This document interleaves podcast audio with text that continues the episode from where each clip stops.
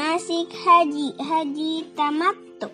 Seperti halnya ibadah umroh, dalam ibadah haji, sebelum memakai kain ihram dianjurkan untuk mandi dan mengusapkan wewangian. Ingat, tidak boleh mengenakan kain ber yang berjahit. Bagi perempuan hendaknya menggunakan pakaian yang menutup aurat dan tidak membawa perhiasan, tidak menutup muka dan juga tidak memakai kaos tangan. Jamaah haji dari Indonesia biasanya melaksanakan haji tamatu yaitu melakukan ibadah umroh terlebih dahulu sebelum melaksanakan ibadah haji. 8 Zulhijjah Setelah memakai kain ihram dan berniat haji, kita berangkat ke Mina untuk pemondokan di kota Bekah untuk mulai prosesi ibadah haji. Niat haji Labbaik Allahumma hajjan. Setelah doa maka berlaku larangan ihram seperti ketika mau ihram umroh. Delapan Zulhijjah tiba di Mina. Mina adalah sebuah lembah di padang pasir di kota Mekah. Kita tinggal di Mekah Sehari semalam melewati lima waktu sholat dari zuhur sampai subuh. Mina dijuluki kota tenda. Karena banyak tenda-tenda untuk menginap para jamaah haji di seluruh dunia, tenda-tenda itu tetap ada walaupun bukan musim haji.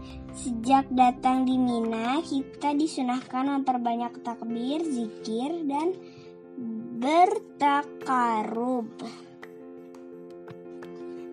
Sembilan Zulhijjah menuju Arafah.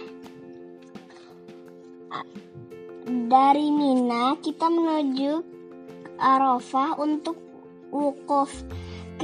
Kita harus sudah tiba di Arafah sebelum waktu zuhur. Wukuf dimulai setelah matahari tergelincir setelah zuhur sampai terbenam matahari waktu maghrib.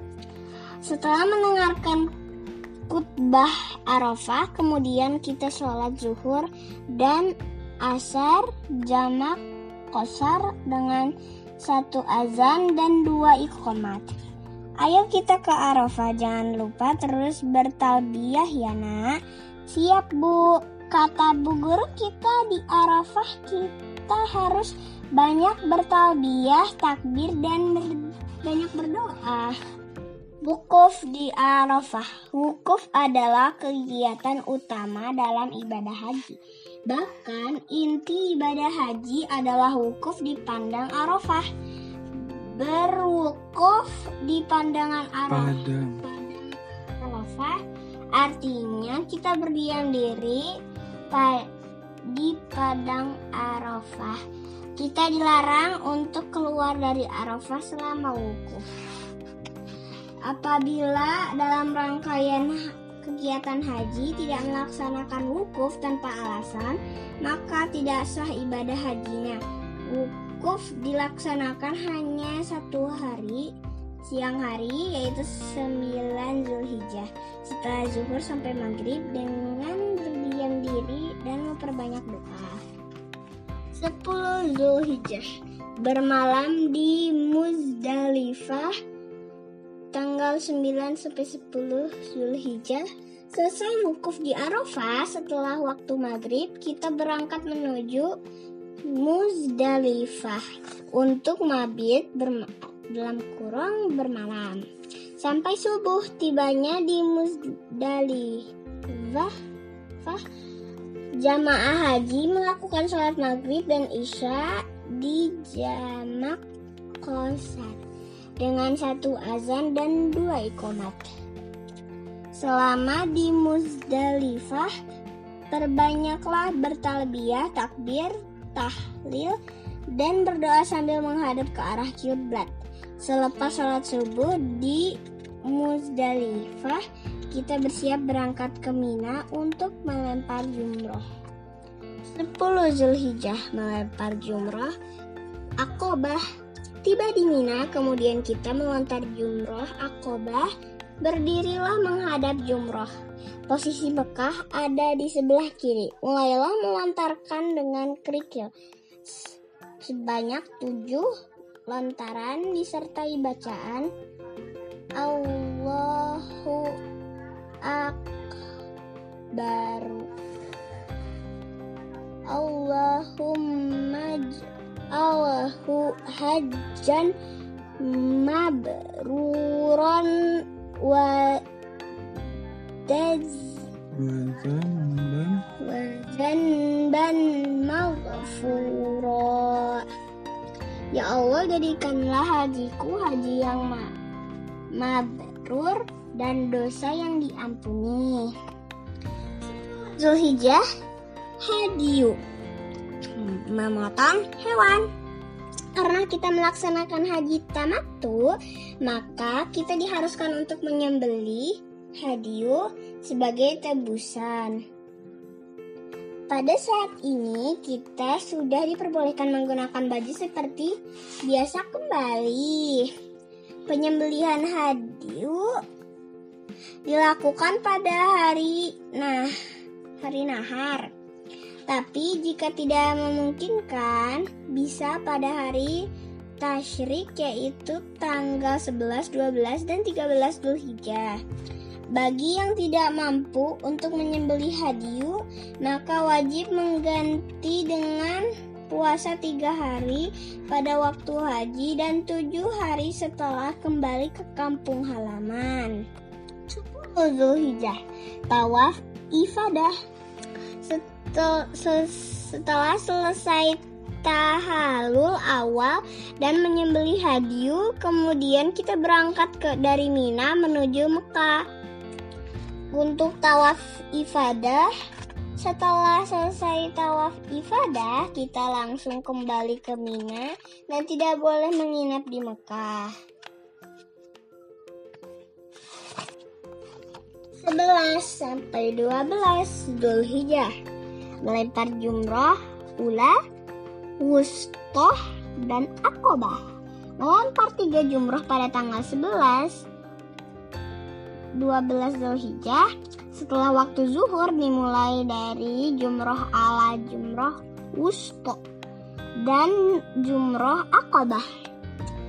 Setiap lontaran membaca takbir posisi Ka'bah ada di sebelah kiri dan melontarkan sebanyak tujuh lontaran setiap selesai jumroh ala akobah berdoalah sambil mengangkat tangan dan menghadap kiblat.